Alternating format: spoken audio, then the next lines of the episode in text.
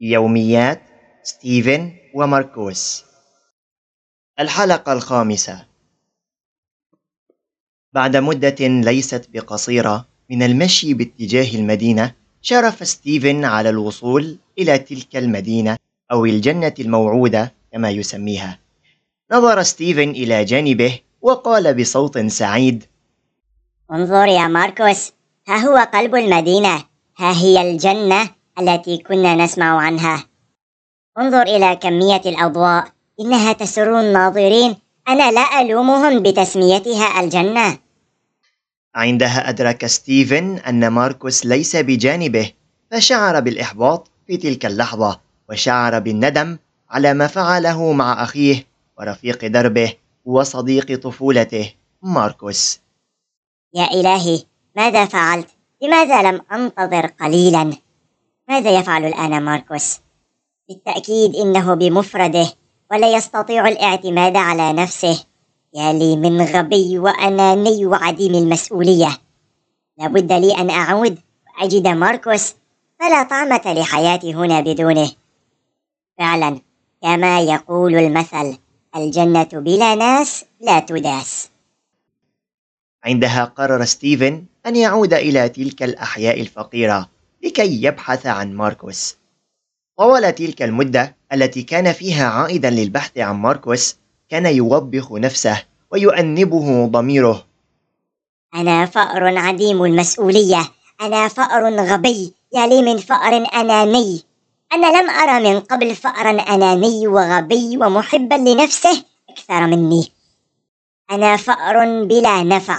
هل يوجد كائن في الدنيا هذه يستغني عن أخيه فقط؟ لأنه مرهق ويريد أن يأخذ قليلا من الراحة؟ وبعد عناء طويل اقترب ستيفن من تلك الأحياء وبدأ يبحث عنه في شارع تلو الشارع زقاق تلو الزقاق ويسأل كل كائن يجده بطريقه عن ما إذ رأى أحد منه أخاه ماركوس كان البعض يجيبه لا وآخرون يقولون له أنهم رأوه منذ مدة وأن حالته كانت ليست بجيدة بعد عناء كثير من ستيفن بالبحث عن ماركوس كان قد بدأ باليأس. كان يقول في نفسه إما أنه قرر اللحاق به إلى قلب المدينة أو قد تاه في تلك الطرقات أو أنه قد مات. وكان كلا الاحتمالين محبطين لستيفن. عندما شارف على الانتهاء من البحث في تلك الأحياء وصل إلى زقاق ضيق وكان آخر زقاق في هذا الحي. الأخير منه. وصل إلى زقاق ضيق وكان آخر زقاق في الحي. قرر أن يستريح قليلا وكانت الدنيا قد ضاقت عليه. سمع صوتا من بين القمامة التي في آخر ذلك الزقاق حينها بدأ بالخوف وبدأ بالصراخ. من هناك؟ هل يوجد أحد هناك؟ أخرج كائنا من كنت. بعد عدة مرات من تكرار السؤال ولم يأته جواب قرر أن يقترب من مكان ذلك الصوت. وكانت دقات قلبه تتسارع بسرعة جنونية لكنه لم يستسلم وكان يقول لنفسه بصوت عميق لا لا لا يجب أن أقف لعله يعرف شيئا عن ماركوس. اقترب أكثر فأكثر وبدأت تتضح له صورة الشيء الذي يراه أمامه. كان على هيئة فأر يقوم بالبحث في القمامة. وكان يدير ظهره باتجاهه كان ستيفن كلما اقترب خطوة كانت دقات قلبه تعلو بشدة لدرجة أنه بدأ يسمعها بأذنه ومع كل خطوة يقتربها يقول من أنت؟ من أنت يا هذا؟ هل رأيت أخي ماركوس؟ هل تعرف شيئا عنه؟ لكن ذلك الفأر لم يجبه في شيء واصل الاقتراب إليه حتى أصبح خلفه مباشرة وما إن مد يده إليه حتى استدار إليه ونظر في عينيه مباشرة. تجمد ستيفن للحظات في مكانه لا يعلم ماذا يفعل. كان فأرا نحيل الشكل مقعر العينين ذا رائحة نتنة كأنه لم يستحم طوال حياته. أه هل رأيت أخي ماركوس؟ إنه فأر بدين بعض الشيء. لديه بطن يكاد يلمس الأرض. أظنه مشهورا في الحي. نظر ذلك الفأر في عينيه ولم يجب ولا حتى بحرف واحد. فقط تغيرت ملامح وجهه وبدأت تميل إلى الحزن وأدار ظهره مرة أخرى إلى ستيفن. يا إلهي ما هذه العينين وهذه النظرات؟ ليست بغريبة علي. أيعقل أن يكون هذا ماركوس؟ لا لا لا لا لا. لا أعتقد أن هذا ماركوس كان بدينا ولا يشبه هذا الفأر أبدا. لكن تلك النظرات تشبه نظرات ماركوس تماما. ماركوس هل هذا أنت؟ ماركوس أرجوك قل لي أنه أنت. لقد بحثت عنك كثيرا. أنا آسف حقا. انظر أنا الآن أعتذر منك. أرجوك قل لي أرجوك هل هذا أنت؟ أرجوك تحدث إلي. أنا أعلم أنك ماركوس. قلب الأخ لا يخطئ أخيه. أنا آسف حقا. آسف جدا. ماذا تريد أن أفعل لكي تتحدث معي؟ أتريد أن أقبل يدك أو أقبل رأسك؟ سأفعل كل ذلك. تحدث إلي فقط. لا أريد منك شيئا أبدا. ارحل فقط عن هنا. ماركوس يا أخي لقد اشتقت إليك كثيرا. أنا آسف لما فعلته معك. لقد كنت أحمقا وأناني. بدرجة كبيرة. عندما قلت لك ذلك الكلام أرجوك سامحني. أتوسل إليك. انظر لقد أتيت من أجلك. لقد وصلت إلى قلب المدينة. وعدت إلى هنا للبحث عنك. أنا نادب جدا. أنت آسف ونادم وتعتذر؟ على كل ذلك الذي حصل هل أتيت إلى هنا فقط لكي أسامحك وتسكت ضميرك؟ هل تعلم ماذا مر علي طوال هذه المدة؟ هل تعلم ما مدى الصعوبات التي مرت علي؟ بعد أن تركتني وحيدا. أنت قلت لي أن أعتمد على نفسي؟ وها أنا الآن أعتمد على نفسي. ارحل من هنا يا ستيفن. لا لن أذهب إلى أي مكان بدونك. هل نسيت؟ هل نسيت؟ أنا أخوك ستيفن أخاك الأكبر. بلا بلا بلا بلا أخي الأكبر وتقولها على ملء فمك لو كنت تهتم لأمري لما فعلت ذلك وتخليت عني لأنني طلبت القليل من الراحة. أنت فأر أناني يا ستيفن ولا تفكر سوى في نفسك. أقول لك للمرة الأخيرة ارحل من هنا. ارحل من هنا يا ستيفن. وإلا أرسلت إليك ضربة أرديتك فيها أرضا مثل تلك الضربة. أتريد أن تضربني؟ تعال تعال واضربني وافعل بي ما تشاء. فقط تعال معي. تعال معي وأنا أعدك أنني سأعوض عليك كل تلك الأيام التي فاتت. أعدك. أعدك يا ماركوس. في هذه الأثناء تقدم ستيفن باتجاه ماركوس واحتضنه وقال له أخي لقد افتقدتك كثيرا. أعدك ألا أصرخ عليك مجددا وألا أتنمر مرة أخرى. أنت أخي ورفيق دربي.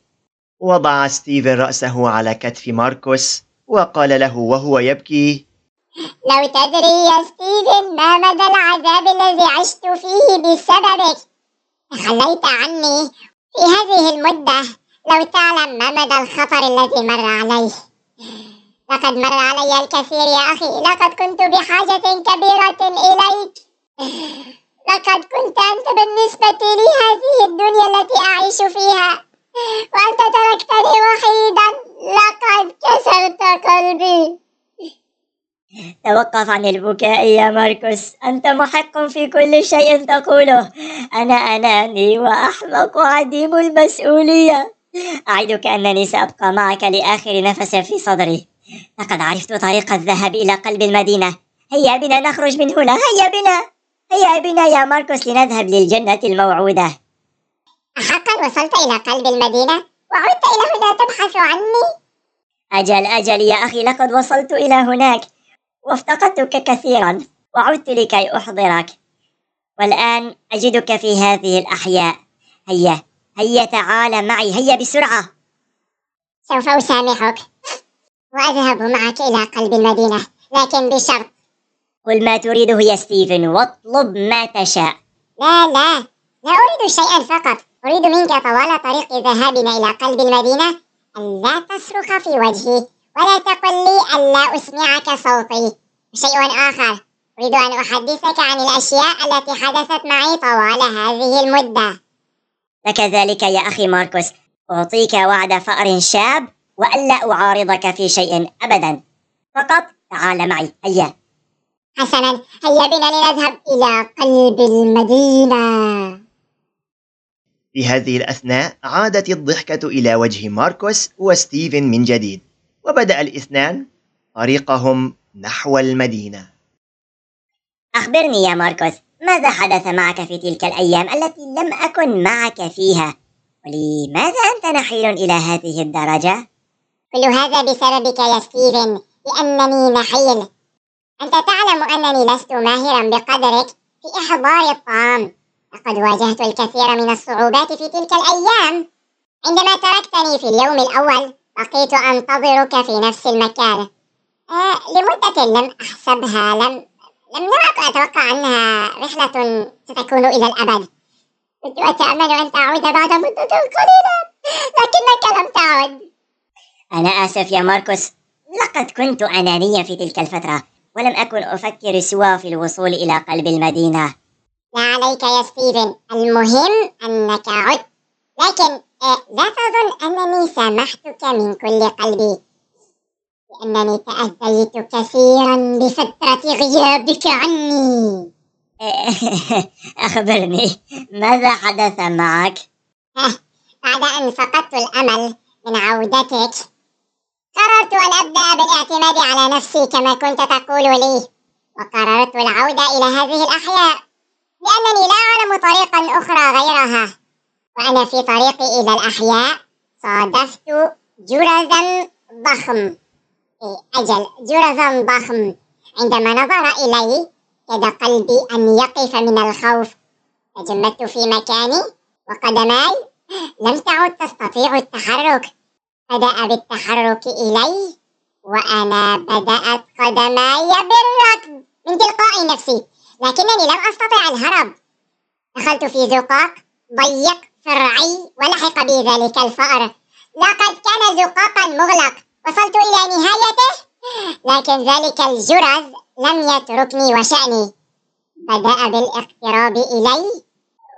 وأنا من شدة خوفي أدرت إليه ظهري. وغطيت رأسي بيدي. بعد عدة لحظات سمعت صوت قطة. بدأ بالاقتراب. يا حبيبي ما إن سمع ذلك الجرذ صوت القطة حتى لاذ بالهرب حتى لاذ بالهرب. للحظة ظننت أنني نجوت. لكنني تذكرت أن هناك مصيبة أكبر. يا إلهي إنه قط. أجل قط ضخم يقف خلفي. بدأت أشعر في أنفاسه تقترب مني شيئا فشيئا. بعد لحظة أدركت أن شيئا لامس ظهري. لكنه لم يفعل شيئا. استدرت إليه ولقد كان قطا رمادي اللون. أتعلم؟ كان لطيفا جدا.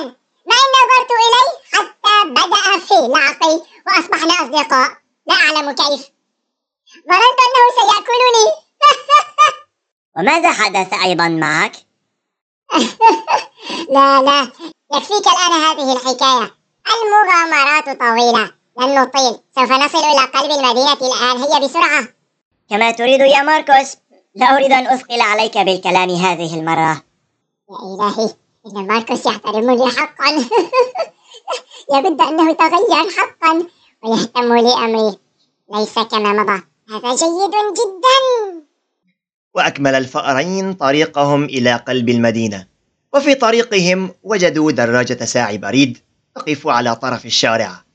فسأل ستيفن ماركوس. هل ترى هذه الدراجة يا ماركوس؟ أجل يا ستيفن أراها. حسنا سوف نذهب باتجاهها ونتسلل إلى ذلك الصندوق دون أن يرانا أحد. لنكن حذرين حفاظا على سلامتنا. سوف نستقلها سوف تختصر علينا بعض الوقت. أجل يا ستيفن إنها فكرة جيدة. هيا بنا. وسارع كلا الفأرين إلى تلك الدراجة بدون أن ينتبه أحد إليهم. قفزة واحدة وكانوا بداخل الصندوق الذي لم يكن مغلقا بإحكام. انظر يا ستيفن ما كل هذه الأوراق؟ وما هذه الدراجة؟ لا أعلم يا ماركوس لا يهمني. أنا فقط أريد أن أصل بأسرع وقت إلى قلب المدينة. ألا يوجد بداخل كل هذه الأوراق المغلفة شيء يؤكل؟ فأنا جائع حقا. معك حق أنا جائع أيضا. فلنبحث. لابد أن نجد شيئا بدأ كلا الفأرين بالبحث في تلك الأوراق أوراق أوراق أوراق كلها أوراق من داخل أوراق ألا يوجد شيء يؤكل؟ عندما كان ماركوس ينبش في تلك الأوراق وقع نظر ستيفن على شيء لفت انتباهه توقف توقف يا ماركوس ما هذه الورقة التي في يدك؟ أه لا أعلم لماذا؟ هل بها شيء يؤكل؟ لا لا لا أعتقد ذلك لكن هذا الشيء الذي ملتصق على الورق. أثار إعجابي. أريد أن آخذه تذكار من رحلتنا. لقد أعجبني بشدة. وكذلك يا ستيفن. وقام ماركوس باقتلاع ذلك الطابع. وأثناء الاقتلاع صنع ماركوس فتحة صغيرة في الظرف انظر يا ستيفن. يوجد بداخل هذه الورق شيء. لربما شيء يؤكل. انظر أيضا يوجد شيء مكتوب عليه. دعني أراه. وأخذ ستيفن ذلك الظرف من ماركوس وكان مكتوبا عليه. من نيلسون إلى ماركلين. وقام ستيفن بفتح الظرف. كان في داخله رسالة. عندما رأى تلك الرسالة أعطاها لماركوس لكي يقرأها. ها انظر. الثاني من سبتمبر عام 1975 من نيلسون إلى ماركلين. أوجه أطيب تحياتي. عزيزتي ماركلين اعذريني لأنني لم أتمكن من القدوم لحفل زفاف أخيك. لقد كان عزيزا أتمنى له حظا طيبا. ولكنك تعلمين فلقد أقمتم الزفاف في جزر هاواي لا إلهي والذهاب لهناك مكلف جدا. وأنت تعلمين كمية الضغوط المالية التي علي.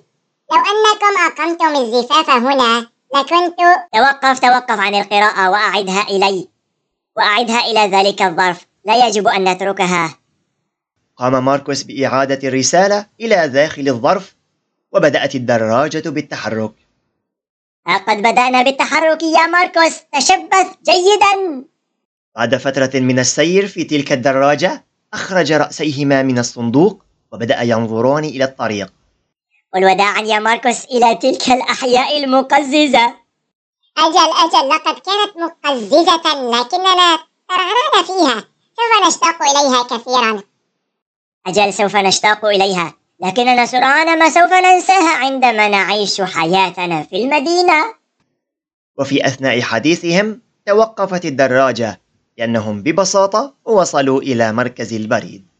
هيا اقفز يا ماركوس قبل أن يرانا هذا البشري. وقفز الفأرين من الصندوق وتابعا مسيرهما نحو المدينة.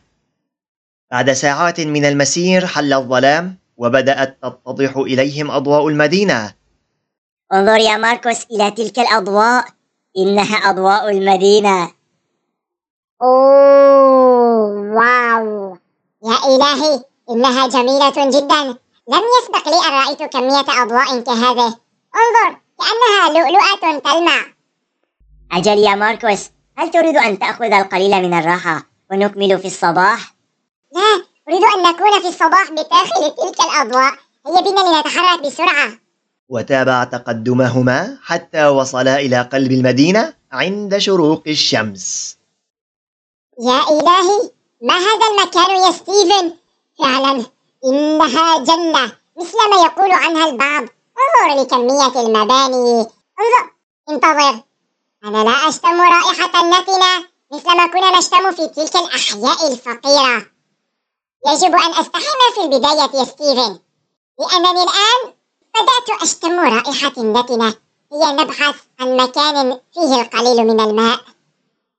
وبدأ بالبحث حتى وجد صنبورا من الماء وكانت الماء تخرج منه بلا توقف. يا إلهي يا ستيفن انظر إلى الماء إنه لا يتوقف. أنا ذاهب للاستحمام أسفل ذلك الصنبور. آخر شخص يصل بيضة فاسدة. أجل معك حق يا ستيفن انتظرني. بعد أن استحم كلا الفأرين بدأ الناس بالخروج من منازلهم. وعندما رأيا كل كمية البشر هذه ظن أنهما سوف يموتان لأنهم معتادون على الهرب من البشر. ما كل كمية البشر هذه يا ستيفن؟ لا نستطيع الهرب منهم أبدا. سوف نهلك لا محالة. لم أكن أعلم أنه يوجد كل هذه الكمية من البشر. لم يستطع الفأران الهرب لعدم وجود مكان آمن. لذلك بقي في مكانيهما بلا حراك ينتظران حتفهما كما كان يظنان. ولكن قد حدث العكس. ولكن البشر كانوا يقومون بتفادي الدعس عليهم. لقد انبهر الفأران مما حدث فعلا. لابد أن البشر هنا لا توجد بينهم تفرقة بين الفئران والبشر. لابد أننا سوف نعيش حياة رفاهية بلا شك.